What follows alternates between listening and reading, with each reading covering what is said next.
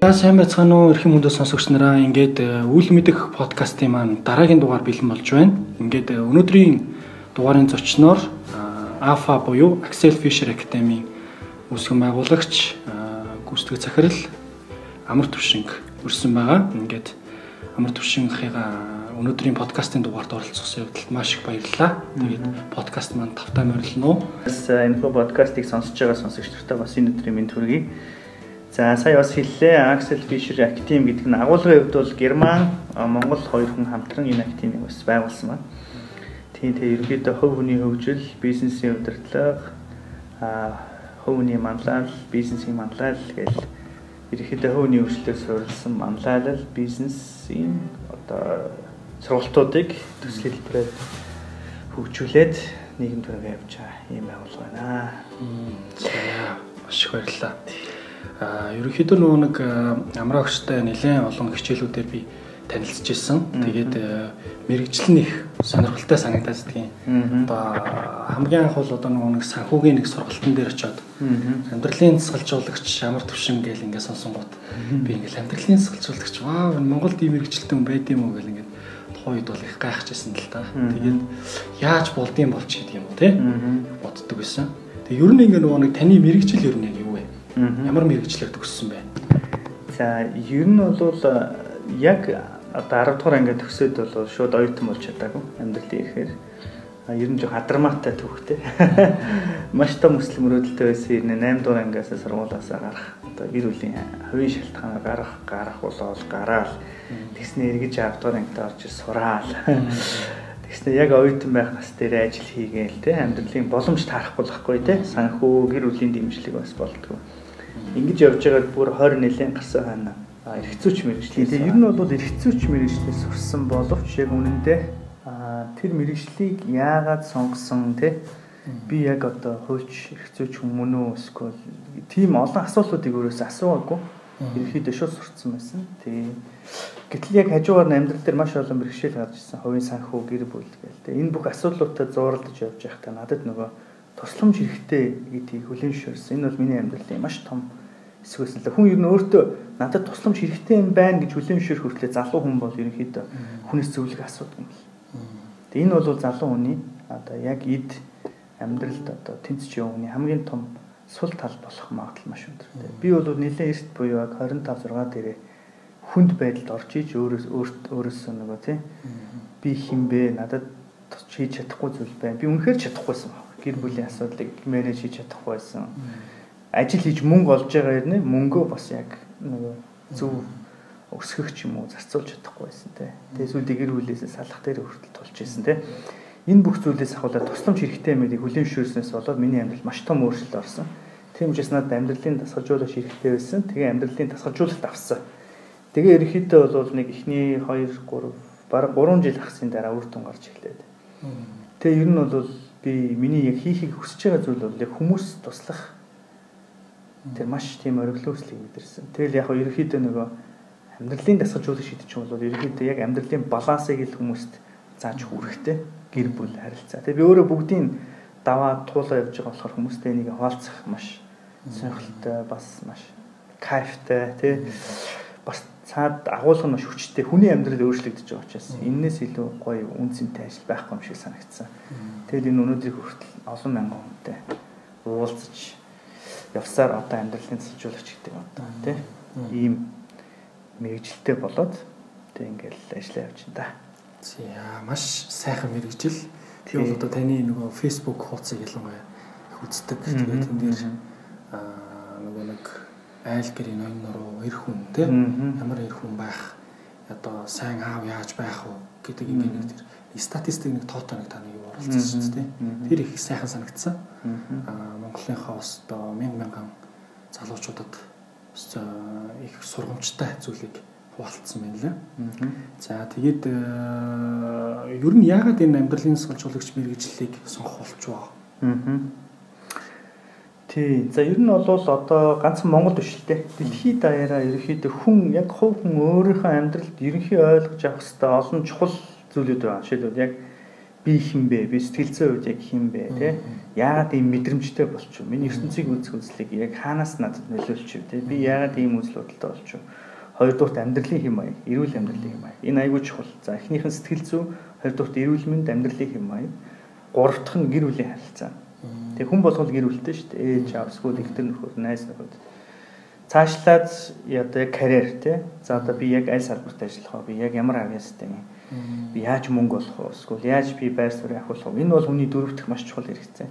Тавт нь бол яг нөгөө мөнгөний менежмент те хүн болгон ажил хийж чадна гэвч мөнгийг яг яаж захиран зарцуулах хэвээр юм? Бас яаж олох хэвээр яаж өсгөх хэвээр гэдгийг заавал сурах хэвээр ер нь энэ таван зүйлийг бол ерөнхийд нь бол хүн гэртээ сурах хэвээр ерөнхийдөө бол суурийн А хэрвээ энийг үнэхээр одоо мэрэгжлийн төвшин зорыг гэвэл аль нэгийг сонгож аваад мэрэгжлийн одоо академик тусрал болгоод одоо юу гэдгийг те сургуульд ч юм ингээ олж байна.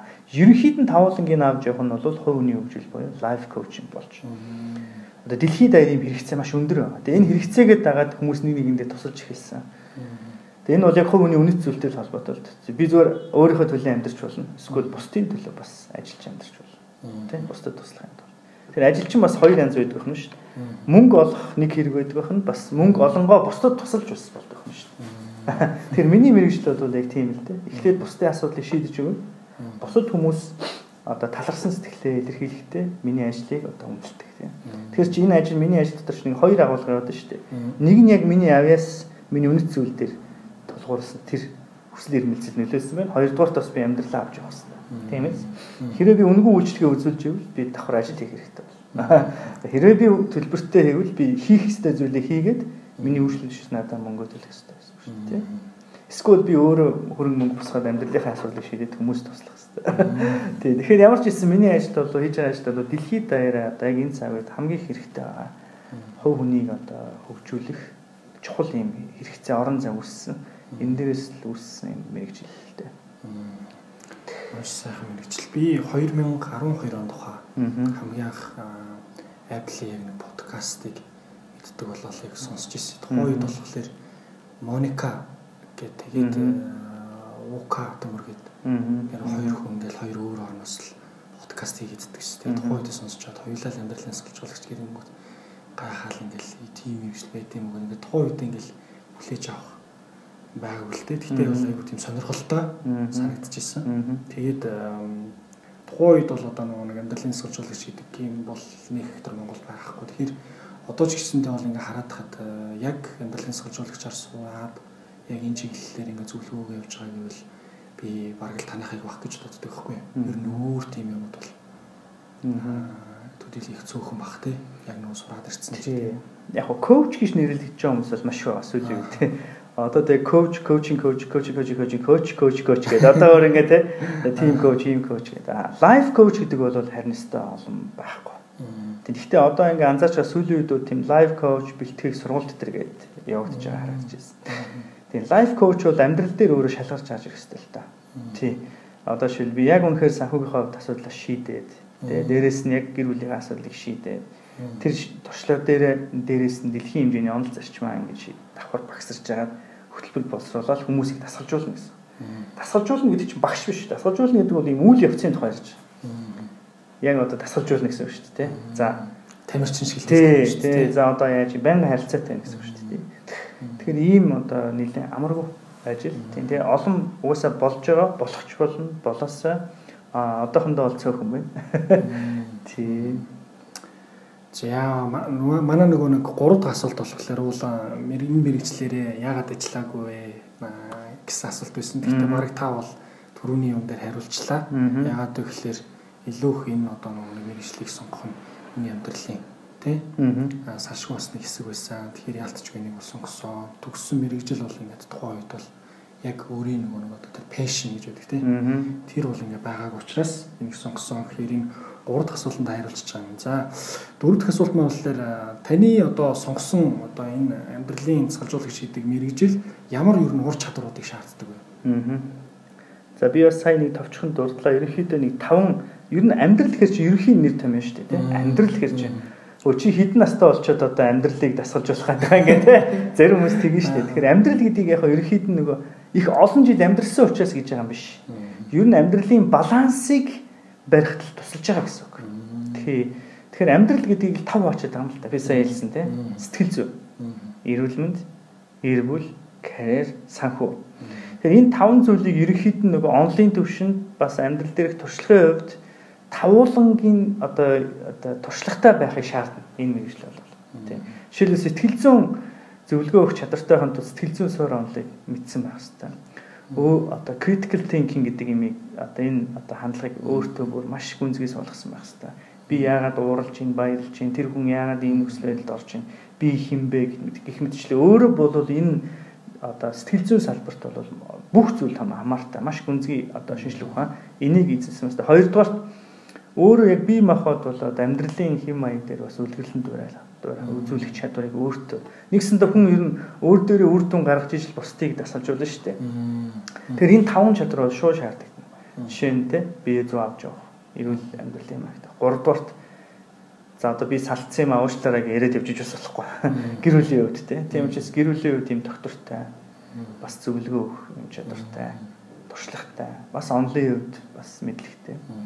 А дөрөвдүгээрт бол мэдээж яг сонгож авсан салбартаа. Эсвэл одоо энэ карьер, бизнесийн салбарт бас одоо хүмүүс зөвлөгөө өгч чадвартай. Тэгэхээр нөгөө супермен шиг гэсэн үг биш. Ерөнхий яг энэ таван зүйлийг л баланстай авч явахт нь зөвлөж чадж байгаа хүнийг лайф коуч гэж нэрлэдэг. Тийм Тийм. Тэгэхээр энэ бол яг хувь хүнтэй ажиллана. Лайф коуч нар өөрсдөө бас лайф коуч бэлдэх хөтөлбөр гэж байна. Тэгэх юм бол бас дотроо дахиад та болж те. Тийм. Тэгэхээр ерөнхийд нь те хувийн санхүүгийн. Тэгэхээр дандаа хувь хүн дээр суурилсан те ийм таван чухал зүйлийг ерөнхийд нь зааж байгаа. Тэгэхээр ийм таван ур чадвар бас туршлага мэдээс шаарддаг гэсэн үг. Ер нь сүүлийн үед хүмүүс ганцхан ур чадвартай хүмүүс сангалтгүй болчиход байна л да. Жохон life experience гэдэг шиг нөгөө те бодит амьдралаас сэтгэлэн бүтээв гэдэг шиг те. Ер нь амьдрал дээр бас нэг жохон өөр юм гэсэн одоо ярьдаг онлынхаа дагуу ядаж амьдрч үзсэн. Тэн дээрээ дүгнэлт хийсэн. Төгс хүн байх албагүй. Алдаа онон дээрээ дүгнэлт хийсэн. Бас бусад хүмүүс дээр амьдрал дээр нь ажиллаад үр дүн гаргах гаргасан байх хэрэгтэй хүн дээр туршилт хийж болохгүй шүү дээ. Тий. Зөв зөв. Одоо би нэг нэг ингэж ойлгодог зөв буюу та бас хэлээрэй. Аа нөгөө нэг найз хөвчлээ ингээл найзууд ингээл уулзахаараа юу ярьдаг вэ гэхээр ингээ нэг нэг нэгээл ярьдаг шүү дээ. Хөвчлээ. За ялангуяа эмэгтэйчүүдийн хувьд бол ингээл аа чи юу болж байна болж байна ингээл те. Тэг ч юм уу. Эрэгтэйчүүдийн хувьд бол за ханд юу болж чинь ч гэдэг юм те. Аа тэгээд ингээ найзтай ингээ нэг зөвлөгөө өгөх одоо тэр өвч байгаа ингээ хүмүүс байна шүү дээ. Энийг нэг зөвлөгөө өгдөн шүү дээ. Гэхдээ тэр хүний амьдрал бол ондоо тий. Хоёр өөр ингээд газар орчинд өссөн, хоёр өөр одоо зан характертай, хоёр өөр одоо нэг тис ондоо хүмүүс гэсэн үг шүү дээ. Гэтэл ингээ нэгэндээ зөвлөгөө өгдөг шүү дээ. Энийг өрн та юу гэж боддог вэ? Харин ямар зөвлөгөө Миний үеийнхэн бол яг л ингээд найзуудтай зөвлөл, ахын дүүдэд зөвлөл явцсан шүү дээ. Сайн муу бүх юм аа. Тэгээ энэ хангалтгүй гэж үзсэн учраас энэ хэрэгцээ гарч ичээд байгаа. Амьдралын тасалж жуулгч. Амьдралын тасалж жуулгч хүний яг энэ найзуудаас онцлог шин чанар нь юу гэхээр юу зөв, юу буруу болохыг хамтдаа сууж байгаа энэ хүн шинээр бүтээн гэсэн. Нэг үгээр хэлэх юм бол нэг хүний туршлага нөгөө хүндэд таарахгүй шүү дээ. Тийм учраас хүн эхлээд туршлага хүнээс зөвлөгөө авахсан өмнө юу олж мэдэх хэрэгтэй вэ жишээлбэл би яг ямар хүн болох гээд байгаа юм бэ гэдэг чинь аюулж байгаа. Ямар хүн болох гээд байгаа вэ? Тэр хүний тэр түүхийг бичихийн тулд ямар зарчим хэрэгтэй? А тэр зарчмынхаа дагуу яаж асуудалд хандах хэвтэй юм. Өмнө нь би ямар одоо амьдралын ихтгэл өнөмшлөөр амьдарч ирсэн. Одоо ямар амьдралын ихтгэл өнөмшлөөр амьдарч ирсэн гэдэг юмыг ингээд нөгөө системтэй. Нэг өөрөлдөх юм бол амьдралын засалжуулагч хүн бол арай системтэй гэсэн. Хувийн туршлага ярихгүй шүү дээ ганцхан.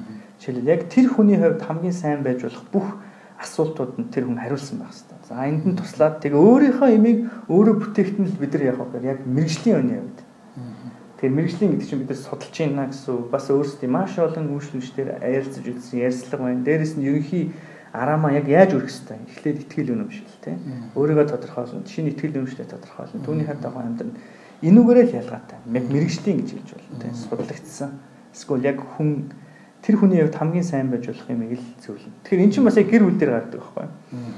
Эхнэр нөхөр хоёр суулаа хинийхээ дүрмээр амьдрах хэрэгтэй. Тийм үстэй. Нөхрийн дүрмээр юм уу? Эхнэрийн дүрмээр хоёр хүн хамт бизнес эхлэхдээ чиний туршлагаар явах юм миний туршлага. Тэгээ энэ чинь буруу болчиход байгаа. Тэгэхээр бид тээр хамтдаа эхлээд нэг алсын хараа нэг үнэт зүйл тодорхойлоод түүнийхээ дагуу хоёр соёлыг нийлүүлээд нэг зэ өөр шин зорилгын төлөө явах хэрэгтэй тийм. Яг үүнтэй адилхан хүн хүний туршлагыг би өөртөө шингээж чадахгүй байхгүй. Учраас би олон хүнтэй ярилцахдаа би аа би өөрийнхөө үнэт зүйл алсын хараа ингэж тодорхойлох хэрэгтэй юм байна. Тэгээ өөрийн цоошин зүйлийг л гаргаж ирэх хэрэгтэй тийм. Тэрнээс хин нэгэн үний одоо туршлага шууд суулгана гэвэл гэж өчр дутагдaltaй байна ажиглаад. Тийм учраас бид нар яг нөгөө нэг судлаад а энэ хүнд аль нь тохирох вэ? Алийг хүсэж байгаа вэ? Өөрөө хүсэж байгаа амьдралын л одоо төлөвлөж түүндээ хүрэхэд нь тий мэрэгжлийн төвшөнд тусалж байна гэсэн Яа. Найзын зөвлөгөө бол сайн гэхдээ хангалттай. Тэгэхээр манайхаа одоо хэрвээ сонсож байгаа бол тий. Ерөөсөө найзаасаа бити зөвлөгөө аваа. Мэргэжлийн одоо коуч, лайф коучийн хүн дээр очоо. Ийм газар одоо очиж нөгөө нэг зөвлөгөө аваа. Энэ маань болохоор нөгөө нэг ирээдүйд гарах эрсдлээс бас ингэ сэргийлэх юм биш үү. Тэгэхээр найзан дундаа нэгийгээ сонсоод шийдвэр гаргадаг гаргадаг тэр одоо ингэ нөгөө нэг ийм байдлаа бас нэг удаа ч гэсэндээ өөрчлөөд яагаад үзэж болохгүй гэж тийм найзыг одоо огт муу гэж бол хэлж болохгүй л тийм мэдээж одоо өөр хинч байхгүй бол нэг найзтайгаа уулзчих таараа тийм гэвч энэ хангалтгүй шүү гэдгийг л ойлгох хэрэгтэй. Тийм ер нь найзтайгаа ярина гэдэг чинь өөрийнхөө мэдрэмжийг ойр дотны хүмүүстэй хуваалцаж байна гэсэн тэр хүн ямар реакц үзүүлэх нь бол тэр хүний эрх шүү дээ гэхдээ энэ дээр дараа нь сууж байгаа дүн шинжилгээ хийж ягаад шийдвэр гаргах хэрэгтэй гэдгийг л ойлгох хэрэгтэй маш олон хүмүүстэй ярилцаж болно гэвч яг эцэст энэ бүх хариу оруулууд дээр дүгнэлт хийж аваад яг мэрэгжлийн хүнд хамт сууж агаад магадгүй найзынхаа сэтгэлийг, ээжийнхаа сэтгэлийг бүгдийг ингэж тавьж агаад энэ чинээс нэг өөрийн гэсэн юм босч ирэх нь шүү дээ. Тийм? Яг энийг л хэлээд байгаа. Аа. Тийм. Яг нэг та нөгөө нэг комеди хэр үзтiin. Тэр бол эдрийн юм нэг комедиг бол бас үзээдтiin. Гэсэн чинь тэн дээр болохоор нэг хөрхөө нэг жоок байхгүй. Ингээ нэг хоёр охин ингээл явж байгаа л ингээл аа чи надаас ингээ салж байгаа юм уу тэгвэл би чамаа ханилаа саллаа гэдгснээ юу гэж юу гэж хийн гэсэн чинь найз нь болохоор саллаа гэж хэлэх гэж зүгээр саллаа гэдэг тэгдэг шиг те тэгдэг шиг л нөгөө нэг бас нэг иймэрхүү зүйл бас гарах вэ гэдэг үднээс миний зүгээс бас санал болгож байгаа шүү. А тэгвэл нөгөө нэг нэг юм асуухад заавал одоо ингээд ажил дээр гарцсан ч гэдэг юм уу те? Их сургууль сурж байгаа ийм хүмүүс лайв коуч авах хэрэгтэй гэдэг юм уу? Эсвэл ер нь ингээд бүр багасаа аваад өсөх хэрэгтэй гэдэг юм уу? Ер нь олон улсын стандартад ер нь яаж явдгийг, олон улсад ер нь туршлага яаж явдгийг, манад ер нь яавал одоо тий өөрийн гэсэн үзэл бодолтой ингээд яг ингээд зөв газраасаа зөвлөгөө авдаг, зөв ингээд чиглүүлгээ авангуудаа тэрнийхээ дагуу ажиллаж чаддаг. Болохын тулд ингээд багасаа хэлэх хэрэгтэй гэдэг юм уу? Эсвэл ер нь ингээд алдаж ончонгуудаа за за одоо өстой амьдралаа өөрчлөхийн тулд лайк овчс зөвлөгөө авъя гэх хэрэгтэй болов? Яах хэрэгтэй бол? Тий, одоо яг хоёлаа ийм юм байгаагүй ш урд өмнө хэдэн мянган жилийн өмнө, 90-ийн өмнө ч гэдэг юм уу те. Бүр ингээд хэдүүлээ бүр хуучин цаг үеэр аялах юм бол ийм юм бас байсан. Жишээлбэл чи бодоод. Нэг хун тайж, эсвэл гүнжиг те. Одоо дараагийн энэ улсын одоо эзэнт улсын хаан эсвэл те одоо хатан гэж үзэх юм бол энэ хүмүүсийг тухайн үедээ лайф коучнууд бэлддэг байсан ойлгож байна тест. Би ирэх амт явах уу? Тий. Энэ би яаж амж явах уу? Аль түүхийг уншиж мэдсэн байх хэвээр. Ямар хэл эзэмсэн байх хэвээр. Сэтгэл зүйн үед ямар байх хэвээр. Санхүүгөө яаж. Тэгэхээр чинь бол хүн тохиолдлоор тийм одоо гинт мундаг болчтой юм гэж юусэн байхгүй. Тэгэхээр энэ юу гэсэн үг вэ? Яг л хүн хүний өөрийнхөө шийдвэр. Би үнэхээр өөрийнхөө дараагийн үеийг үнэхээр гайхалтай шинэ үе гаргая гэж бодож байгаа бол бүр бүтэн цагаар ээж хүн аав хүн хүүхдүүдээр ажиллаад насаараа ажиллах хангалттай ажил байж байгаа байхгүй. Яг хүүхдээ тийм мундаг хүн болохыг бол яг л дараагийн одоо хүн тайжийг те хаан болоход нь бэлдэж юм шиг ингэж бэлдэж болно. Ингийн тулд хүн баг ажил хийх зав гарахгүй энэ хүнд. Яг л хүүхдээ ингээл дагаал дээрс балхан тутамд нь заа сургууль явах. Таач ингэж чаддггүй шүү дээ. Амьдрал дээр тэгээд нэг цэцэрлэгт өгдөг, тэгээд нэг багшд өгдөг. Энэ бас хангалтгүй л байдаг байна. Тэгэхээр ерөнхий явдаг учраас ерөнхий болсод гэж нэрлсэн. Тэгээд ерөнхийд нь л бид нар тий ингээл өсгөөл тэгээд тэр ерөнхий явж байгаа л мэрэгжлийн алдаа одоо юу гэдэг шийдэл шаардлагатай газар ерөнхий боловсрол хангалтгүй байдаг учраас бүдэрдэг тэгээд тэнцэнэ яг өвдөг шалбарч ийс сурдаг. Хэрэв үнэхээр тийм биш байгаасаа гэж бодож ивэл багаас нь ажиллаж бас болно. Яг л тий одоо хаана хатнаа бэлтэж байгаа юм шиг л тий бэлтэх хэрэгтэй. Хэрвээ бэлтгэхгүй бол хожим энэ хүн өөрөө л амьдрал дээр л одоо чиний төрөний хэлдгээр алдаж онжоос сурна. Окей. Тийм учраас энэ хүний сонголт байна. Үнэхээр хүүгээ мундаг хүн болоо гэж бодвол ёстой л ингээл сайн хүнд шаа оруулаад одоо заалга зөвлөл ингээд явсан бол үр дүн гарч ил таа. А тийм байсан. Эртээ ерөөсөө ч тийм байсан. А одоо ч зарим айлууд хүүхдүүдэд тэгээс сургадаг. Гэвч зарим айл нь болцоо нь байхгүй. Дээрэс нь хоолгүй байгаа учраас ээж аав мөнгө олох хэрэгтэй. Тэгээд ингээ тийм. Тэр чинь амьдралын баланс нэг талаараа одоо юу гэдгийг санаа санаатай бус байдлаар хүмүүс энийг эзэмшиж чаддаг байх нь сайн сансан боловч боломжинд болохгүй ч үе байдаг байх нь хүсэх юм бол аль болох багасаа л авалсан шүү дээ. Тэ? Гэхдээ хизээч оройттгүй л одоо над дээр 60 та хүртэл ингээд зөвлөгөө аваад 50 та хүртэл аваад 40 та 30 та хамгийн бага нь 14 настай тий хүүхд зөвлөгөө авч байгаа тий. Тэр одоо ан дуртай хүүхдийг бэлтгэж байгаа тэр их мундаг байна. Тий. Тий. Яа мэрэгчлэр ер нь ажиллаж байхад тулгардаг байсан одоо түгээмэл энгийн алдаануудаас хуваалцвал одоо энэ алдаанаас алдаануудаас та ер нь юу суралцсан бэ? Иймэрхүү юм ер нь бас гарч чад идэв шүү. Лайф коучингээр магадгүй одоо сурах гэж байгаа ч юм уу.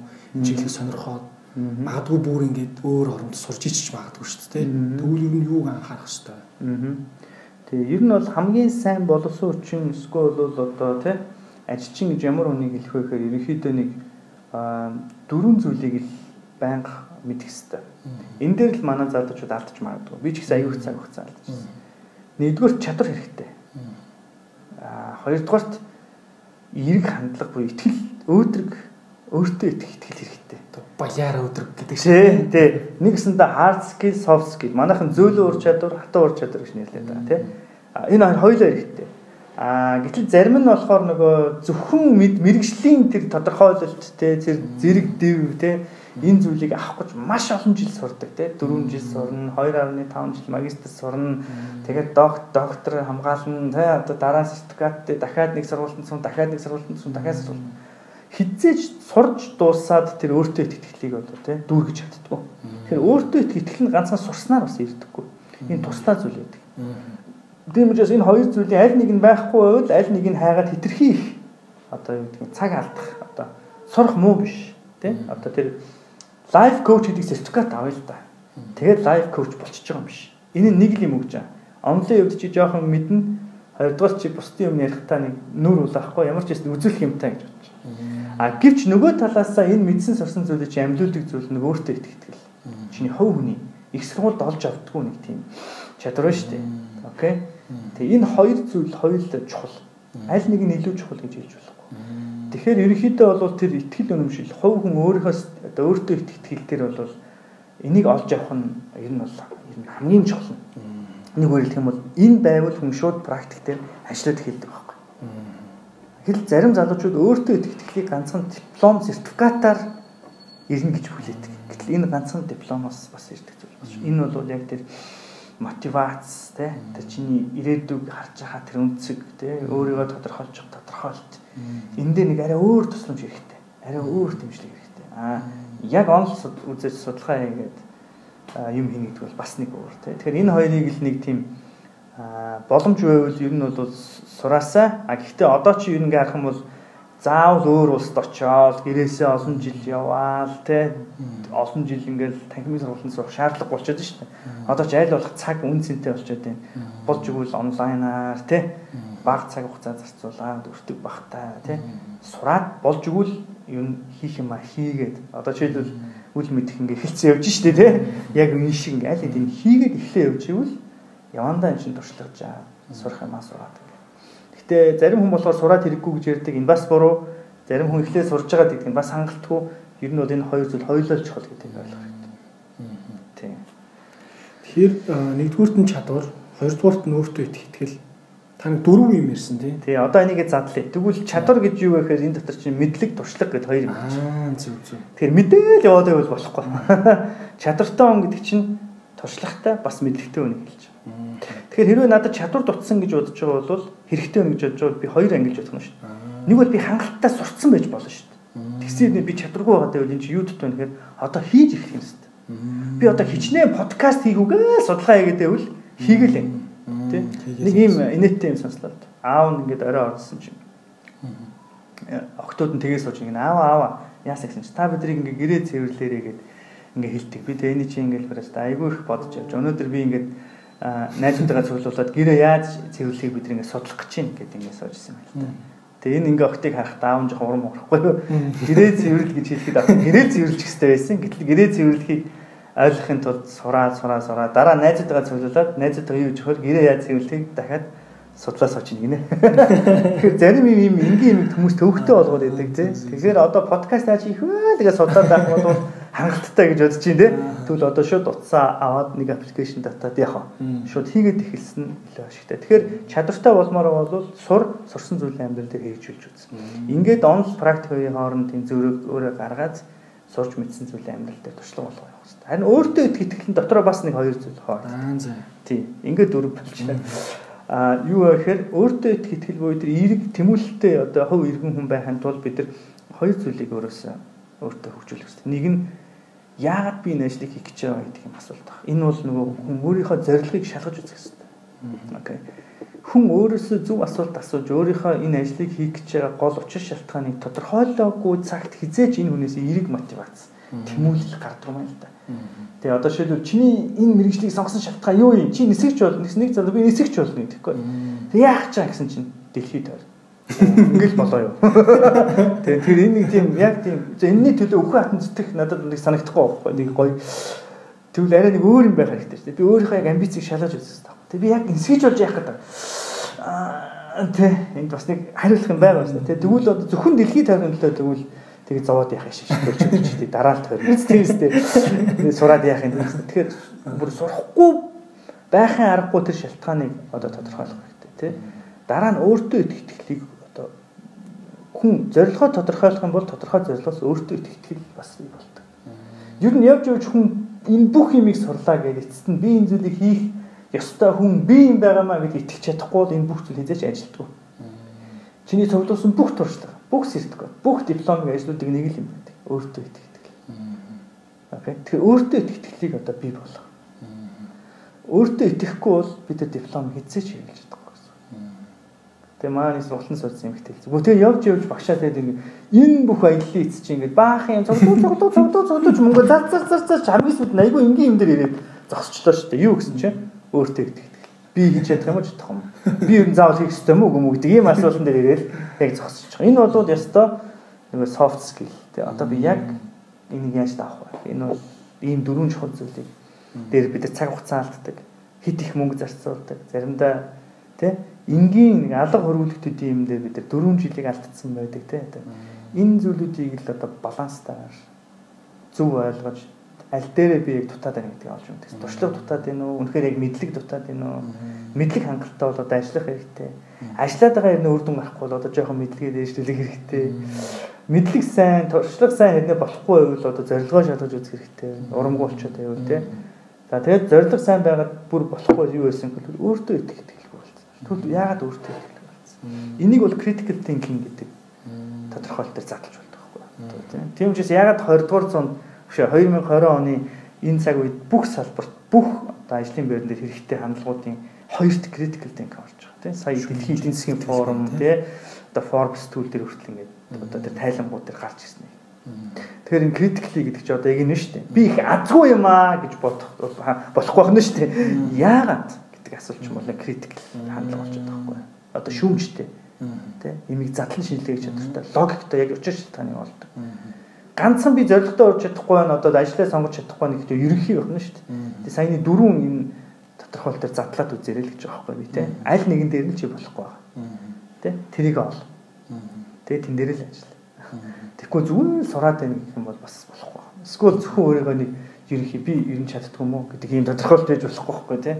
Тэнийг задлах хэрэгтэй. Яг энэ дээр л одоо өөртөө критикл буюу шүмжтэй дүн шинжилгээ хийж чадвар байвал бид нар энэ дээр л ер нь манай залуучдыг цаг алдчихад байдаг. Манайхан угаасаа тэгдэггүй. Манай ээж тийм биш. Тэргээ нэг тийм сонин сонин тодорхойлт явж байгаа байхгүй. Би бол азгүй хүүхэд мөхт тэр хэвчээ тий. Эсвэл би намхан өндөрч гэдэг юм тий. Энэ бол тийм энэ дээр бол тэгж цаг алдчих болохгүй шүү л гэж Аа тэгэхээр өөртөө идэх итгэлтэй байх магадлал яагаад би энийг хийх хэрэгтэй вэ гэд хоёр дахь нь болохоор юу салж байгаа лээ. Аа дөрөв дэх нь яг зорилгоо тодорхойлоход ч учир шалтгаан болоо мэдчихэж байгаа. Аа би ийм учраас л энэ ажлыг хийх хэрэгтэй. Өөртөө идэх итгэлээ алдах бол хоёр шалтгаан байж болно. Нэг нь угаасаа би чадахгүй гэж бодож иж болно шүү дээ, тий? Хийж үзээгүй. Гэхдээ би хэлий хийж үзээгүй юм болгон яг л бүх хүнд л тийм л юм шүү дээ. Би угаасаа чадахгүй Тэгвэл одоо энэ хүнд ямар тусламж хэрэгтэй вөхөр жоох урам хэрэгтэй гэсэн үг. Окей. Одоо би одоо өөрийнхөө карьерийн хоёр дахь хэсгийг болохоор мотиватор гэж өөрийгөө тодорхойлж байгаа. Одоо би яг энэ жилээс шинэ одоо ажлынхаа одоо өөрийнхөө позишнийг өөрчилж штэ. Би одоо лайф коуч байсан нэмэх нь мотиватор. Мотиватор. За тэгвэл өөртөө тэтгэлийг юу хөгжүүлдэг юм бэ? Урам. Ойлгож байна. Одоо юм хийж чадахгүй бол тэр хүнд урам хэрэгтэй гэсэн. Энэ бол нөгөө монголчуудаар хэлдэг сэтгэлийн одоо гал. Одоо юу гэдгийг те сэтгэлийн галын бүү бөхөө. Одоо те урмыг хугалахаар ууцыг хугалах. Тэ энийг тийм хүч байгаа юм л да нэг тийм урам зэрэг. Аа тийш үү те. Энийг бол яг нэг өөр өнцгөөс авах хэрэгтэй. Энийг шалтгаан байж болно, зүгээр урам байж болно. Эсвэл бүр сэтгэл зүйн бүр юм эмгэг байж болно. Нэг талаасаа энийг авч чадахгүй байгаа шалтгаан. Айц. Одоо бүтлгүүтэл шарах. Ийм зүйлээс болоод өөртөө ихтэй алдсан байж бол зүгээр урам хураад алдсан байж бол. Эсвэл зүгээр маш өндөр урамтай явж байгаад унаад өөртөө ихтэй алдсан байж бол. Тэр ийм шалтгаануудыг болоод сэтгэл зүйн талаас нь энийг одоо засаж залгах Энийг хүмүүс одоо механикаар засах гэж оролдож чаддаг л дээ. Энэ бол яг тийм сэтгэл зүйн, сэтгэл заслын одоо мотиваторуудын эсвэл сэтгэл зүйчнэрийн тусламж хэрэгтэй. Окей. Тийм. За. Аа мэрэгчлэр ер нь ажиллаж байх үеийн амжилттай одоо хэрэгжүүлсэн сайн туршлага байвал та хаалцаач. Сайн туршлага байвал тууштай байдал. Миний хамгийн сайн мэдээж анх салбар руу ороход түнд нөгөө нэг ихтгэл шаарддаг. Гэхдээ би ер нь энэ салбарт байх хэрэгтэй мөн үү? Хүмүүс намайг сонсох уу? Эсвэл би ер нь энэ хүмүүс ярих ярих хүмүүсийн өмнө ярих мөн үү биш үү гэдэг юм те.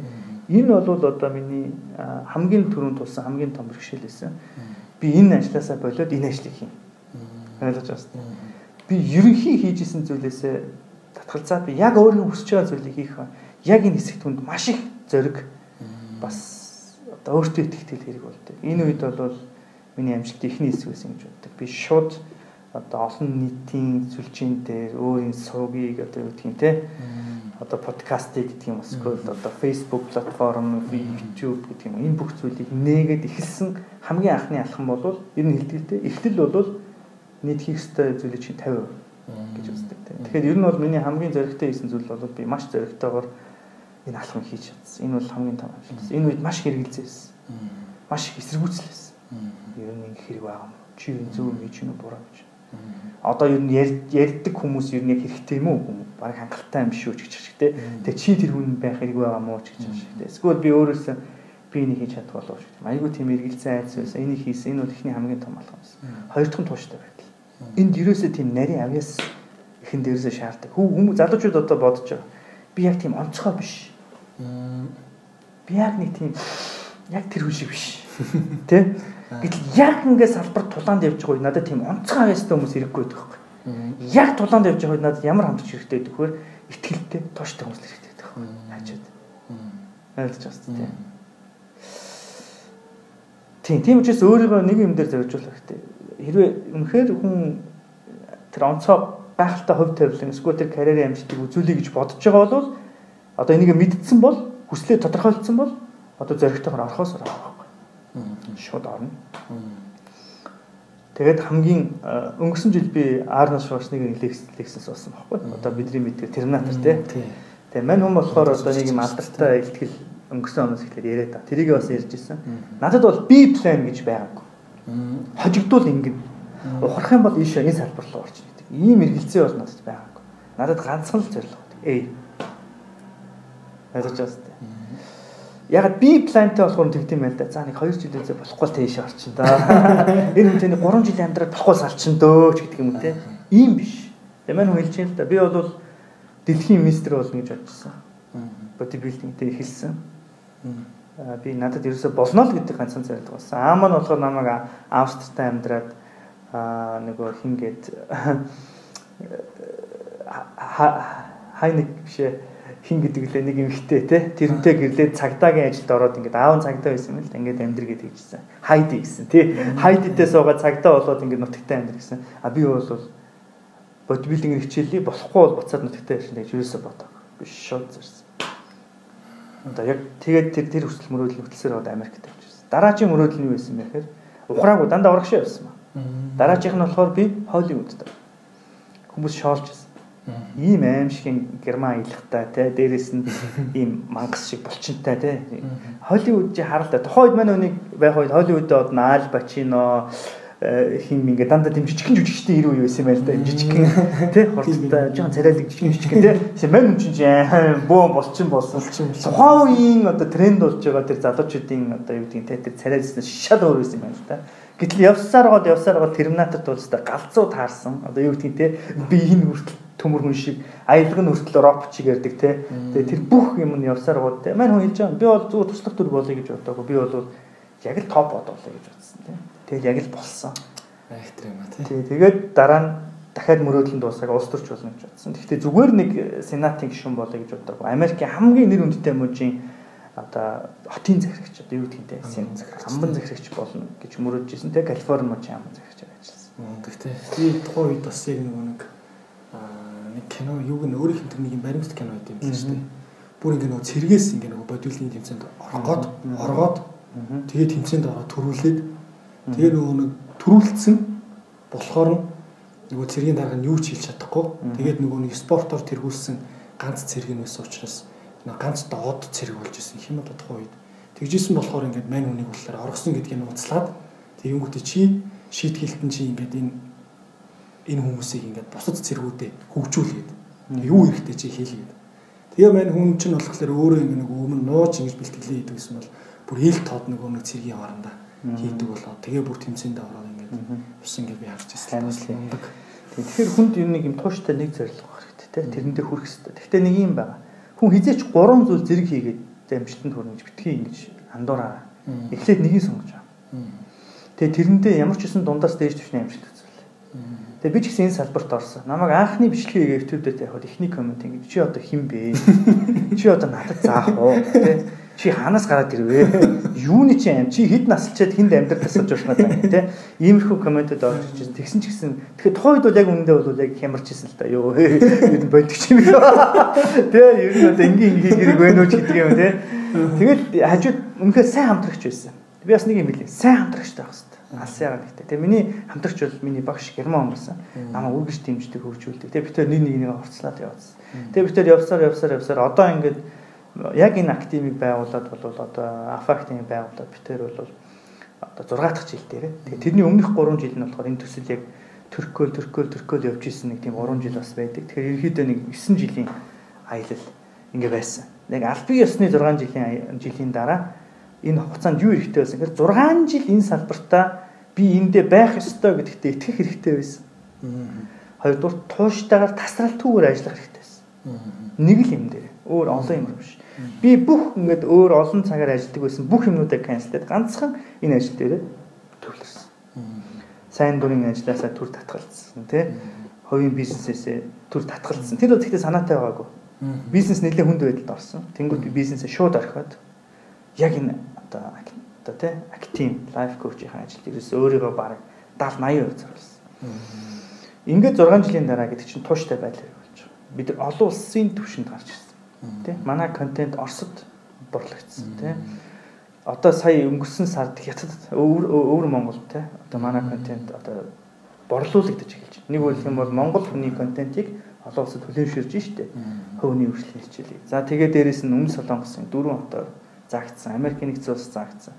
Ингээд зөндөө олон улсын хэмжээнд ингээд заагдаж байна. Ингээ харахаар манай нэг шав намайг саяхан ингэж тодорхойлж байгаа. Багшаа би яагаад таныг сонсдог вэ? Яагаад танаас зөвлөгөө авдаг вэ? та мэдхүү би тэгэхээр дотроо бодож байгаа юм. Би бол амар авьяастай. Би бол амар лаг ярьдаг гэж хэлэх байх гэж наа би дотроо бодож байгаа. Оо харин мэдхгүй яасан гэж. Та бол хамгийн авьяастай багш биш шүү дээ. Та бол хамгийн тийм амар жоок хийдэг хүн ч бас биш. Та бүр тийм амар уран яриуч ярьдаг юм биш. Та бол туу шүү дээ. Окей. Гэтэл харж байгаа үстэй тий. Хүн бас бүх юмыг төгсч чаддгүй байж болно. Гэвч хүн сэтгэл байвал тэр зүйлээ тооштой хийх юм бол хүмүүсийн зүрх сэтгэл төрсөн баг. Тэгээ дээрээс нь ярьж байгаа зүйлээ одоо амьдрах гэж хичээдэг. Тэгээ би тийм учраас би таныг хүндэлдэг. Тэгээд энэчнээс харах юм бол одоо саяны асуултанд хэлсэн шиг эхлээд өөртөө итгэл хэрэгтэй, зориг хэрэгтэй, дараа нь тууштай хэрэгтэй. Тэгээд нэг салбартаа амжилтанд хүрсний дараа чамд дараагийн дараагийн карьерууд явах боломжтой болж байна. Тэрнээс биш анхныхаа юм хийж иж битгий олон юм дээр ингэж нөгөө төвлөрлөө сарниул те. Энд ч бас нэг гоё ажил гарч ирэл. Энд ч нэг улс төр хийчмээр санагдал. Энд ч нэг бүжиглчмээр санагдал. Энд ч нэг хуульч болчмоор санагдал. Тийм биш. Нэгийг сонгож байгаа. За маш сайхан сайн туршлага байна. За ер нь ингээд та карьераа ер нь хэрхэн төлөвлөсөн бэ? Ер нь одоо төлөвлөдөг үү? Хэрэг төлөвлөдөг бол одоо хэдэн жилээр ер нь төлөвлөдөг вэ? Аа эхнийх нь бол урт дунд богино хугацааны 3 төлөвлөгөө байдаг. Урт нь бол үхтлээ. Нэгсэндээ амьдралын яацыг хүртэл э, ямар дүрмээр явах вэ? Юу хийх үү гэдгээр ихэд бол ямар дүрмээр явах вэ? Ямар давтамжтайгаар яаж урагшлах вэ гэдгийг бол ингэж төлөвлөдөг. Нэг үгээр хэлэх юм бол амьдралын зарчим бол амьдралын зарчим. Тэрнээс биш энэ намын үед ийм зарчмаар тэр намын үед ийм зарчмаар энтэй ажиллавал тийм зарчмаар тийм биш. Ер нь хүн амьдрал дээр амжилттай гэж бодож байгаа бол амьдралынхаа зарчмыг нэг мөр шийдэх хэрэгтэй. Төвчгээр шийдсэн бол хүүхдэл. Сайн нөхөр байхаар шийдсэн бол хүүхдлээ. Ойлгож байна. Сайн хамтрагч байхаар шийдсэн бол угаасаа л эцсээ хүртэл нэг амьдралынхаа насан туршидаа гарах шийдвэрүүд байдаг. Би энийг ингэж хийж сурсан. Энийхээ дагуу яагаад тэгэхээр эн чинь нөгөө төвчээрийн нууц аахгүй. Хүн 3 жилийн дараа болохгүй салчиндаа гэж бодож байгаа юм бол 3 жил төвчин гэсэн үг. 3.1 3 жил нэг өдрийн дараа тэр хүний төвчээр дуусаад дэлбэрдэг байхгүй. Тэгэхээр карьер гэдэг бол 3 жилийн асуудал биш. Энэ бол насан туршдаа зорилго дээр өмнөж явах шүү дээ. Энэ бол хамгийн хэтийн төлөв ингэж байдаг. Дараагийнх нь удирлаар буюу эдийн засаг нийгмийн өвчлөг гэж байдаг. Тийм. За одоо би энэ бизнес хийхлээр хэдэн жил болж байгаа. Хэддэг жил дээр би дараагийн одоо шинжилгээг хийх хэрэгтэй. Тэгээ энэ дээр бол би 5-7 жилийн одоо төлөв байдаг. Энэ бол дунд хугацааны Дунд хугацааных нь 5-7 жил. 5-7 жил тийм. Гэр бүл төлөвлөлтөө ч гэсэн ингэдэг. За миний хүүхд хэдэн настай байлээ? Битээр гэрлээд хэдэн жил болж байгаа лээ? Бас л удирлаа. Нэг үйл юм бол яг ер нь ямар ч хүн ингээд нэг анх шинэ юм эхлэхдээ 4-5 жил бол уйдахгүй ажиллаж амьдарч чаддаг. Яг уудад ирэхдээ дахин шинэ зорилго тодорхойлохгүй бол одоо бизнес ч дээр, борлуулалт ч дээр. Аа тий. Гэр бүлч дээр, хүүхдийн харилцаач дээр ерөнхийдөө доктортой байдал орж. Доктортой байдал дотор удаан байж болтгүй. Тэгэх юм бол ундаг аахгүй. Тийм учраас доктортой байдал шилжсэний дараа хүн дараачийн төлөвлөгөө хийх хэрэгтэй. Ингээд тасралтгүй хөгжиж явж байгаа. А богино хугацааны төлөвлөгөө бол энэ удирдал дотроо 2020 онд би яг юу хийх ёстой вэ гэдгийг төлөвлөдөг. Нэг жилийн төлөвлөгөө. Нэг жилийн төлөвлөгөө. За 20 он дотроос би сарлуугаа шилждэг. За 20 оны зорилгоо биелүүлэхийн тулд би 4-р сард юу амжуулсан байх хэвээр 5 зорилго тодорхойлдог би. Энэ 5 зорилгоо биелүүлэхийн тулд энэ 7 хоногт би энэ тавынхаа алийг хийх хэрэгтэй гэдгийг тодорхойлт төлөвлөдөг. Энэ таваасаа би бас аль нь энэ 7 хоногт нэгдүгээр төлөвлөх хэрэгтэй гэдгийг төлөвлөдөг. Тэгээд ерөнхийдөө томоосоо жижиг хүртэл тэгээд энэ таваасаа нэгийг сонгож аваад энэ өнөөдөр хэдэн цагаас үлээ хизээ хэдэн минут уулзах вэ гэдэг. Ингээд минутын нэр өвчлөлтэй. Ингэж төлөвлөдөг. Маш сайхан. Зя карьерийнхаа ер нь туршлага үүх дүүхээс ер нь та хуваалцаач. Анх бол ингээд ямар ч сан сонгосон мэрэгчлэрээ ажиллахгүй хэрнээ байж байгаад яг энэ мэрэгчлэг бол одоо сонгоод энэ чиглэлээр бол яваад эхэлсэн байна тий. Тэгэхээр магадгүй за хэдэн жилийн дараа би нэг юм болно доо гэдэг ч юм уу тий. Тэгэж ер нь одоо нэг туршлага үүссэн байгаа шүү дээ. Тэгэхээр энэ хүүхд төхөөсөө хуваалцаач. Тий. Тий. А ер нь бол анхны карьер гэж хэлэх юм бол ер нь ажил хийснээс эхлэх гэж эхлэх хэрэгтэй л да. Тэр бол сонголтгүй байсан. Зөв мөнгө олохын төлөө ямар ч хамаагүй ажиллах хэрэгтэй байсан. А дараа нь хямралд орсон. Хямралаас болоод юу гэж бодсон бэ гэхээр би ер нь яаж амьдраад байгаа юм бэ? Яаж амьдрах хэрэгтэй юм бэ гэдгээсээ энэ асуултаасаа ер нь цаашдаа яг ямар салбарт ажиллавал ажиллах хэрэгтэй юм гэдэг юм те? Энэ зүйлийг бол юу яасан л та аа 13 4 төрлийн ажил хийж үтсэн байлээ. Ер нь яг хүүхдээ бас авах юм байна. За ногоо ногоо тарьсан. Нарийн ногоо тарьсан. Ногооч. Талхны цэгт ажилласан. Баарн зөөгч хийсэн. Зармен хийсэн. DJ хийсэн. Үсчин хийсэн. 8 хийсэн. Би ч ингээс бараа хийсэн. Сав ажилласан. Дараа нь баар ажилласан. Өөр нөгөө ажиллаж исэн газруудаа хүн чинь ажилтнууд ашигтай мэн гэж боддог юм шиг байна. Тэгээд нөгөө хүүхдээ байхдаа ажиллаж исэн юм дэ бүгдийг өөрөө хийх гэж оролдоод Тэгэл хийж үзэл хийж үзэл тэгэл фейлдэл фейлдэл явсаар явсаар сүүлдээ мөнгө олсон боловч аа эн чин хүн карьер хийн гэдэг чинь ганцхан мөнгө олох биш юм энийг мэдэрсэн байхгүй. А мөнгө олонго бас сэтгэл ханамж бахархал гэж гэдэг юм хамт явах хэрэгтэй байна. Тийм учраас ерөнхийдөө нэг яг тэр нэг зүр сэтгэл нэг тэр оч харвсан жил бол яг тэр 26 таа байхдаа тэр хямралын үйл тэр хүмүүстэй хамт байх, хүмүүсийг дэмжиж хөгжүүлэх нь надад маш их таалагдсан. А дараа нь энийг яаж бас бизнес болгох вэ гэж бодоод тэгээд ерөнхийдөө ер нь 26 таад л эхэлсэн. Тийм тэгээ ерөнхий 33 хүртлээр нэг үлрэл яг өөрийгөө зэгслэх ихний хэсэг байсан. За яг энэ яг энэ зарчмаараа нэг амьдраад үзье. Санхүүгийн асуудлыг шийдээд үзье. Эхнэр нөхрийн асуудлыг шийдээд үзье. Ингээ явсан чи бүх юм засраад айтайхан болоо. Тэгээд яг 7 жилийн дараа боيو 33 наснда яг нийгэм лөө боо яг зөрөгтэй одоо бусдад одоо юу гэдэг нь те олж мэдсэн зүйлээ хуваалцъя гэдэг. Ингэж ахлахаал одоо яг 2013 он шийдсэн зүйл одоо 7 жил 7 жил тий нийтдээ баг 14 жилийн аялал та. 14 жил. Эхлээл яг ингээл тэр зарчмаа тодорхойл тэрнийх дагуу амьдрах гэж хичээсэн тийм. Тэгэл одоо ингэж явсаар байгаа яг энэ байр суурин дээр маш тууштай ингээл бат зогсож л да. Одоо энэ салбараа барыг төлөөлдөг хүмүүсийг дотор зогсож л да. Хөвний хөгжил гэдэг тий амьдралын тасалжуулж гэдэг юм.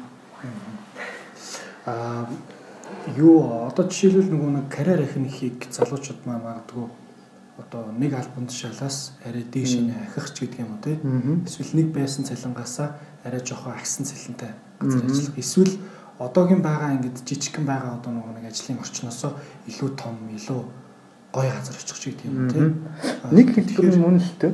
Тэгэхээр энэ юу нэг тал нэг хэлбэр нь мөн. Одоо шилэн үнэхээр хуулийн салбартай бол одоо ингээд доороосоо яваад дээш дээш яваал нь шүү дээ. Энэ чинь угаасаа ахих ингээд юу системтэй шүү дээ угаасаа. Ингээд доороосоо явдаг Тэгээд тийш тулаад зогсдог байхгүй. А тэгээд дээр тулаад тэгээд нэг сонгуулийн дээр ажилгүй болчихвол яах вэ? Тэр карьерийг жоохон томор харах хэрэгтэй. Карьер гэдэг нь нэг санхүүгийн салбарт ороод эдийн засгийн эдийн засгч болоод ингэ явал явал явал. Тэгээд нэг юм тулаад тэгсэн чинь тэр институт нь байхгүй болчихвол яах вэ? Эсвэл ажлаас гарчвал яах вэ? Эсвэл тэтгэврт гарчвал яах вэ? Эсвэл мэдгүй карьер гэж яг юу юм бэ? Албан тушаал ахих юм уу? Тэгэхээр энэ чинь мөн гэвч энэ чинь нэг хэсэг л байгаа байхгүй. Тэгэхээр би залуучууд нэг юм ойлгосоо гэж байна. Карьер гэдгийг ойлгохын тулд бүгдээрээ эхлээд салбараа ойлгох хэрэгтэй. Би хийн, би аль салбарт байх ёстой. Энэ салбараа альбом тушаалаар биш. Ямар нэгэн альбом тушаал эрх мэдэл томилогдохоосоо өмнө энэ салбараа сайн дураараа зүс сэтгэлтэй ингэж өвлж adopt гэж англиар болоод ингэж үрчилж явах хэрэгтэй. Ингэж хийх юм бол карьер урт настай болно Жишээлбэл би энэ ажил хийсэн ч хийгээгүй ч би энэ салбараа хөгжүүлнэ гэсэн үг байхгүй та. Ойлгож байна уу? Би ганцхан афа актимаар тодорхойлогдож болохгүй байхгүй.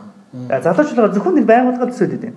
Голомт банкнд орсон бол голомт банк гэж ингэж бодод. Үгүй санхүүгийн салбараа тэр чигээр нь ингэж зүйлсэд хэлж өгүүлж явах хэрэгтэй. Би энийг салбараар нь ингэж харахгүй бол миний карьер хязгаартай байхгүй. Байгууллагаас гараад будаа. Тийш би муугасаа бол гарахгүй гэж болно шүү дээ. Эсвэл нэг захирал солигдод гаргадаг аппаратаараас хэлэгдэж юм. Эсвэл хямрал болдог юм бэл. Банкнд дампуурдаг юм. Мэдхгүй шүү дээ, тий. Ямар нэгэн байдлаар болгоо тэр хүн карьераа зогсчлоо. Одоо өөр байгуулалт ороод одоо яана гэдэг. Инхээр нэг тийм карьер гэдэг юм жоохон жижигхэн өнцгөр хараад байгаа. Тэг ингэж бити хаар. Тэр ажил байсан ч байгаагүй ч карьер авах. Юу гэсэн үг вэхээр бүр том зургаар гэж өгүүлж авах. Тэгэх юм бол паблик төсөлч дээр ч ажиллаж болно, нэг байгууллага дотор ч ажиллаж болно, үндэсний хэмжээнд ч ажиллаж болно. Тийм үстэй. Сайн дураараа чи энэ карьераа хөгжүүлж болно шүү.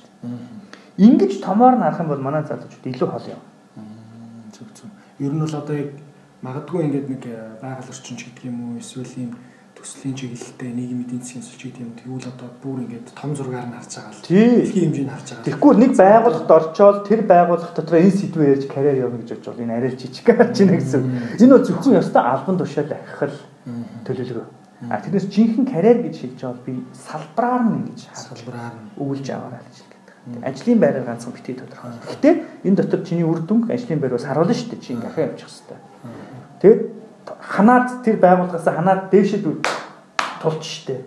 Тэгэхээр чин энийг бүр давсан бүр систем нийгмийн одоо юу гэдэг том зургаар нь ингэж үйлж явж карьер чинь тасралтгүй өгч байгаа байхгүй. Эхлээд байгууллагын төвшөнд төссөн, дараа нь үндэсний хэмжээнд төссөн, дараа нь олон улсын хэмжээ, дараа нь дэлхийн түвшний юм ярина шүү дээ. Дэлхийн эдийн засаг яриа л та хэдүүлээ. Одоо зүгээр нэг банкны эдийн засгийн дотоод бүтцийн дотор карьер хийх тохиол биш байна шүү дээ тийм үү.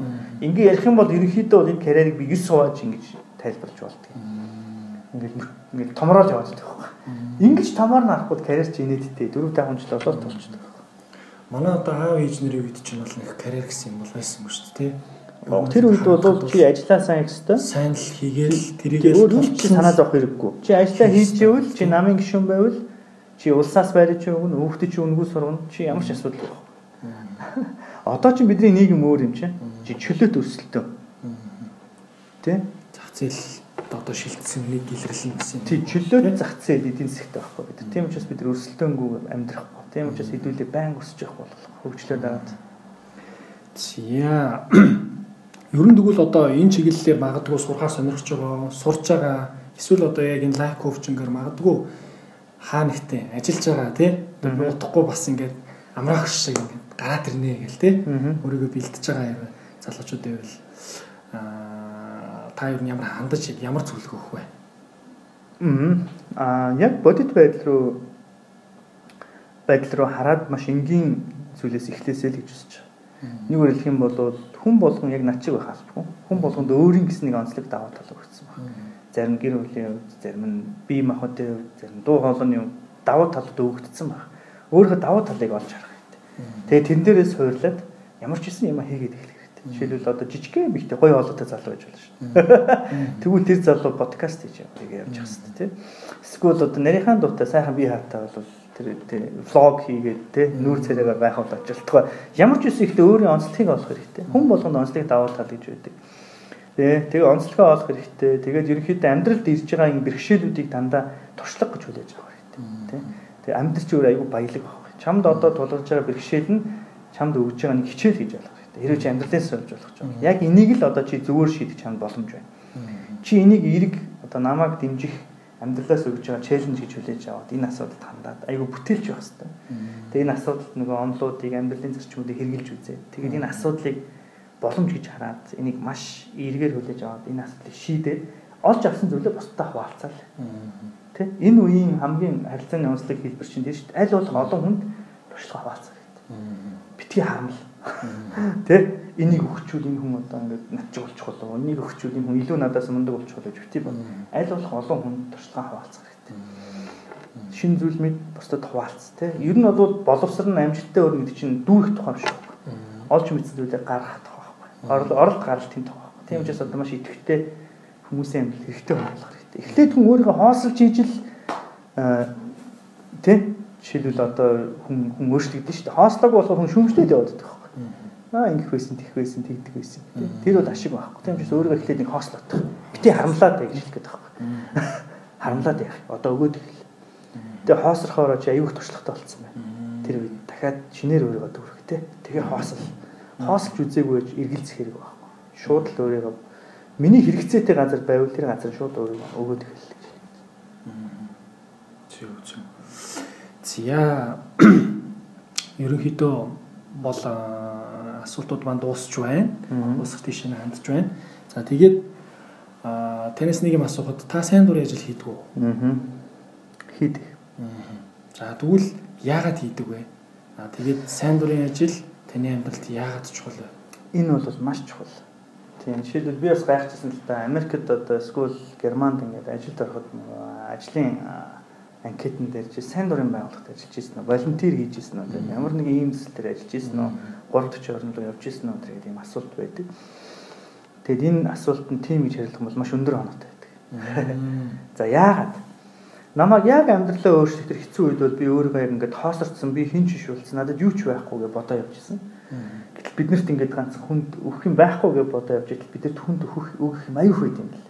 Бидэрт туршлага, авьяас, урмын үг Тэ надад хэрэг болохгүйсэн 100 төгрөг тэнд түнд хэрэгтэй ч юм. Намайг яг өөрийгөө ингэж олж нэгээд тусалсан зүйл бол сайн дурын ажилласан. Миний ментор намайг шууд сайн дурын ажил надад санал болгосон. Би тусламж болохгүй байсан чи эсрэгээрээ би хүмүүс туслах ажилд ингээд оногдсон. Тэгэл ахмадууд, хүүхдүүд тий одоо юу гэдгийг тий тусламж хэрэгтэй хүмүүст очиод тэдэрт би нэг лим тоглолдог гэсэн хүүхдтэй байхдаа лим саксофон тоглолдог гэсэн. Тэгтэл надад би бас сэтгэл онцсон явж байгаа ш би бол бизнес стампурцсан гэр бүлийн асуудалд орсон явж байсан. Тэгвэл чи чи энэ ахмадын баяр дээр нэг лим тоглоод өгөх үү? Тэсэлэд үзтээ те би өөрөө юу ч үгээ бодоо явж исэн чинь юмтай байсан баг. Тэгэд надад аль хэдийн үн цэнгүй болсон зүйл бусад хүмүүс тэр үн цэнтэй явж. Тэгээд би нэгсэндээ хүнээс тусламж авах гэж бодсон чинь нөгөө хүмүүс надаас буцаагаад намайг бүр ингээ хоослох гээд тий одоо юу гэдэг те хүн өөрийгөө өгөх байгаа зүйлээ хүн өөртөө байгаадаа хэрэглэхгүй болохоор үн цэнийг болчт юм байна. Байгаа зүйлээ хэрэгцээтэй байгаа газар нь очиж асгах хэрэгтэй. Нэг үйл юм хүн өөрийгөө хүн өгөх хэрэгтэй. Хоослох хэрэгтэй. Хүмүүс өөдөө айгүй харамж. Хүн хайрлахаас харамлна, итгэхээс харамлна, өгөхөөс харамлна, даварчна гэж боддог юм уу? Яа тийм одоо нэг ихнэрээ ингээл тулд хайрлах ээ толгой дээр гарч иш гэж яах шиг тий. Одоо энэ байгууллагад өөрийгөө тулд зориулъя гэхээр аа юм хүмүүсээ юм даварчин ч гэдэг юм тий. Өөрийгөө ингэж бүрэн зориулж үзээгүй жиж өөрийгөө ингээ харамлдаг. Гэтэл хүн зориулж үзчихий чинь урам авдаг. Өвчиж тэр сэтгэлийн урмыг ав. Энэ сэтгэлийн урам ирээдүйд энэ карьерийг хийх найтгэл найдвар чинь бусдад өгсөний дараа тань сэтгэлд өвөгддөг юм бодит одоо үр дүн баг. Тийм учраас сайн дурын ажил гэдэг нь өөрийнхөө шавхах гоё боломж. Зүгээр тэр авиас дуу бэлэг чадвар одоо юу байдгийг тэгээд хариу нөхөлөг өгөөлөх шүү дээ. Тийм хэрэгцээтэй газар ихлэ асах. Тэгжиж танд урам ирнэ. Урмын чинь дагаа шин санаанууд байна. Хоёрдугаар та сайн дурын хүмүүсийг цагтан цуглуулахад үзээрэй. Энэ бол шал өөр чадвар шүү. Салин авдгүй хүмүүсийг чи цагтан цуглуулах хэрэгтэй заа. Хүн дэмлээ. Салин өхгүй тэгсээр чи тэр хүмүүсээс хандаг цуглуулах хэрэгтэй заа. Чи салин өөхгүйгээр тэр хүмүүсийг сахилга баттайгаар үр дүнтэй ажиллах хэрэгтэй. Энэ бол өдөртөгч 21-р зуунд амьдарч байгаа хүний эзэмших ёстой чадрууд нэг. Хаа сурдаг байж энийг сайн дурын байгууллагатай хата чи сурна. Энийг хөдөлгөх хүч нь юу вэ? Мотивац, алсын хараа. Ойлгож байна уу? Чи энэ хүмүүсийг нийтийн эрх ашигын төлөө хүмүүсийг хөдөлгөж сурах хэрэгтэй. Энэ бол сайн дурын байгууллагт сурдаг боломж. Өөр ямар ч боломж. Тийм учраас бусад хөгжингөө орнууд хүмүүсээ иргэдээ хөгжүүлэхийн тулд ингэж шийдтiim ээ л да. Чи цэрэгт явмааргүй бол Монгол руу явчих. Тэгэх юм бол зэрэг таасан тооцсон. Тэгээд тэр залуу Германд хин ч биш байсан залуу Монголд ирээд өөрийгөө хөөх би ч өстой амар баялаг юм байна. Зөндөө юм сурсан юм байна. Амьдрал хэцүү юм байна. Манайх чинь жаргаж байгаа юм байна гэдэг ингээд ухаараад ирдэг. Би манайд нэг Германд цэрэг ирж нэг жил болсон шүү дээ. Манайд. Бүр эхлээд бол Германда хин ч биш шүү дээ тэр чинь. Тэгээ энд ирээд гэр хороол нэг те э, амьдраад те ингээд тэгснээ ингээд сайн дурын байгууллага цалингүй ажиллаад те хүмүүсийн өгсөн хоолыг идэн шүү дээ тэр үн чинь тэр байгууллага. Тэгээ бүр ингээд сэтгэлээр унаад няараад бүр 0 зэг дээр ирээд. Тэгээ дээр нь буцаад өөрийгөө шавхаад герман хэл заагаад англи хэл заагаад одоо шавхаж гэлж штэ. Тэгээд нөгөө сурсан мэдсэн зүйлүүдээ монгол залуучуудад хуваалцаа сүүлдээ буцаад өөр айгүй баялаг болоод. Гарч нөх хүн өөрийнхөө хоосолж шин ихтгэл найдвар дүүрэгддэг. Тэгээ германд ирэнгүүт герман зэрэг хааснаар тооцож байгаа байхгүй. Харж байна. Сайн дурын ажил чи хүмүүсийг ингэж хөгжүүлдэг. Зөв зөв зөв. Тийм тэгэхээр ийм чухал зүйл байдаг. Сайн дурын нэг клубт бас явдгийг. Тэгээд одоо ч гэсэн байгаа л да. Тэгээд үнэхээр нэрээ цагтаа цуглуулна тэр ингээд хамтдаа яг ингээ юмыг цуг хийн гэдэг бол. Тийм хүн юм билээ л. Их чадвар шаарддаг юм. Тийм одоо яг энийг тэндэл суур. Яагаад тэр хүмүүс цагтаа хэрэгсэн? Чи цалин учраас. Харин ч чи мөнгө авах хэрэгтэй ш тэр хүмүүс. Тийм. Энэ их сонирхолтой. За маш сайхан түүхийг хуваалцсанд баярлалаа. Аа за дараагийн хэсэг маань болохоор юу вэ гэхээр матгцсан Монгол үг гэдэг подкастт оруулж байгаа. Энэ маань болохоор залуучууд бид нар ер нь үгээ мартаж байна. Зарим нэг гоё үгүүдийг одоо шинэ гадаад үгээс сольж юм те. Яг нэг гадаад хэлийг буруутгах байгаа биш л те. Нэг талаараа нөгөө нэг яг нэг монголчилж орчуулах боломжгүй учраас ашиглаж байгаа байх гэж би ойлгодог. А тэгвэл аль болох нөгөө нэг бид нэр Монгол төр одоо чухал гэсэн үгүүдээ мартахгүй байх хэрэгтэй юм болов уу те.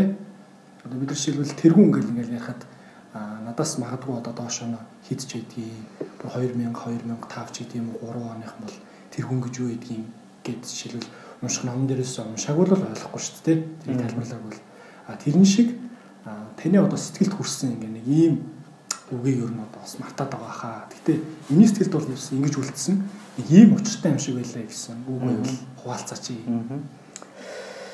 Яа энэ дээр хоёр хандлага нийгэмдэр ингээ ил ажиллаж байгаа л та. Нэг нь болохоор их гадаад өх хэрэгжилж ярьж байгаа. Тэ? А энийг бас нэг талаасаа буруутгах арга байхгүй. Орчуулах шаардлагагүй шүү дээ. Компьютерийг заавал орчуулах гэдэг. Одоо тэгэхээр манай өөр монголчууд бол орчуулсан л явж идэг тэ бүгдийг монгол бол. Энэ дээр хүмүүс яг нээлттэй л хандаг тий. За зарим англитэй хэрэглэдэг. А ер нь бол бас нөгөө хандлагын үед төхөр хүн хэдий ч нэ мэд хэлний мэдлэгтэй болон хэдий ч нэ хэлээрээ ярьж одоо сурсан байх яг ирмэлцдэг. Аль болох гадаад үг хэрэглэхгүй байхыг. Тэгээд би бол аль болох гадаад үг хэрэглэхгүй байгааг хичээдэг.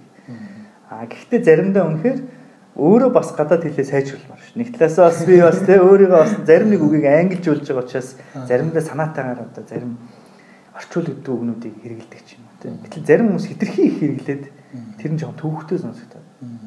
Тэгэхээр ер нь бол соёл уламжлал үгийн үг гэдэг бол одоо монгол хэл гэдэг бол бүр зайлшгүй хадгалж үзэх хэрэгтэй чухал зүйл учраас аль бол монголоос яриасаа монголоор яриасаа гэж би боддог. Тийм учраас би чиний энэ одоо урайлга гэх юм уу энэ алхамж зөв гэж дэмжиж байна. За миний хувьд бол яг мартагдсан кейсээ илүү бас нөгөө үгийг ингээд нөгөө хангалттай ухаж ойлгоогүй нөгөө язгуур утга санаанууд дээр жоохон ажиллах хэрэгтэй юм санагддаг. Заримдаа их сургуулийн багшд дэндүү төвөгтэй үе санагдчихсэн үе байдаг л да. Энэ үг чинь ийм утгатай юм гээл ингээл урдаас утга зүү яриад язгуур утга үг яриад айгу хэцүү юм санагддаг байсан. Одоо бодохноо энэ үгнүүд чинь айгу учир утгатай. Жишээл одоо хариуцлага гэдэг үг илмийн өндөр байна л да. Хариуцлага. Хариуцлагатай бай гэхээр манай залуучууд эзэмшиж байгаа авсан хүлээж авсан зүйлдээ эзэм байх тухай л гэж ойлгодог. Гэтэл энэ бол энэ язгуур утга санааг нь буруу тасаснаас болоод өөр үг болоо мөрцсөн юм. Ер нь бол хариу гэж салаад цлаг гэдэг үг залгагдаад хариу үйлдэл үзүүлэх чадвар буюу цлагтай. Тэ хариу Энийг батлахын тулд гурван хэлэн дээр судлах хэрэгтэй болсон л да. Responsibility гэдэг англи үг, Verantwortung гэдэг герман орон дээр судалж үзье. Гурван үг гуруула хариу гэдэг. Одоо respond гэдэг үгнээс respond ability буюу чадвар гэж залгагдсан байх та. Манайх бас хариу гэж солиод тэгэхээр хүмүүс болохоор хариуцсан зүйлдээ буюу хариуц гэж таслаад хариуцлага гэж ойлгосон. Хариуцсан зүйлдээ лаг бай. А гэтэл эн чинь хариуцаагүй зүйлдээ үртэл зөв хариу үйлдэл үзүүлэх санаа явж байгааг гээсэн гэсэн санаа илэрхийлж байна л да. Тэгэхээр хариуцлагатай байх гэхээр зөвхөн би хашаандаа цэвэрхэн байх тухай бодоод байгаа. Хариуцлагатай байдаг нэр хүнийхээ амийг хийх юм ээжүүд ихнэр хүн ихнэр хүнийхээ амийг хариуцлагатай байх хэрэгтэй гэдэг ойлгоод ингэж дутуу байдаснаас болоод би ихнэртэй санаа тавьж чадаагүй хүүхдтэй илүү анхаарал тавьж чадаагүй хөрштэй илүү санаа тавьж чадаагүй. Би аминчхан үзэлтэй эзэмдэж гэлсэн. Би нэг байгууллагад ажиллаж байхдаа нөгөө салбарын талаар мэдээлэл хүн төхөөс төвшөөс юу гэнэ чи хариуцсан юмс л асуу. Би хариуцсан юм аа чи хариуцсан юм аа. Гэтэл энэ үгийн утга нь болохоор хариуцлага гэдэг үг нь болохоор ямар ч нөхцөл байдал дотор. Чи хариуцсан ч хариуцаагүй ч хүнд ч вэ энгийн ч ар жаргалтай зовлонтой бай чи энэ нөхцөл байдал дотор зөв хариу уурвал үзүүлэх чадвартай байх тухай.